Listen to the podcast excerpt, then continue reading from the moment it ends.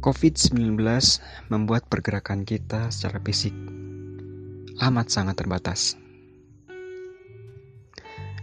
Bahkan karena COVID pula banyak pelajar yang tidak bisa belajar sebagaimana mestinya. Ya, karena sekolah ditutup sementara. Pun demikian dengan dunia kampus. Semua dipakumkan, entah sampai kapan. Benar, kondisi semacam sekarang adalah kenyataan yang nggak bisa kita hindarkan.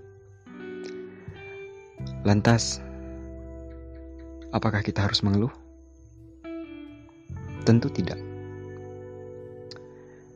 Mengeluh tak akan membuatnya tak akan membuat semuanya menjadi mudah. Justru yang terpenting sekarang adalah bagaimana kita memanfaatkan waktu di tengah pandemi ini.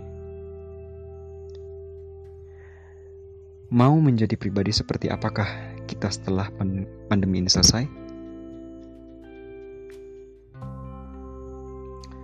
Ingin menjadi pribadi yang baru, atau menjadi pribadi yang sama saja seperti dulu? Jawabannya ada pada diri kamu sendiri. Tergantung apa yang kamu lakukan untuk mengisi waktu di tengah pandemi COVID sekarang ini.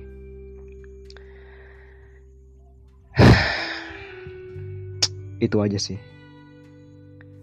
Oh iya, aku cuma mau ngasih tahu. Tiap Selasa dan hari Rabu bakal ada podcast terbaru dari aku tentang materi kuliah yang aku ampu tentunya.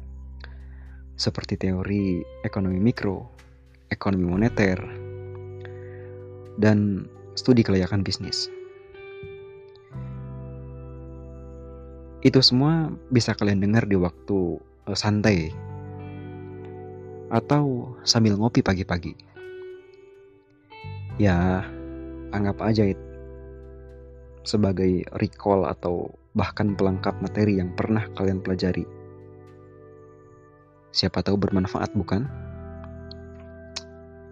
Dan kalau berkenan, boleh dong kalian share juga link podcastnya. Oke, sampai jumpa di Selasa dan Rabu. Terima kasih ya. Assalamualaikum warahmatullahi wabarakatuh.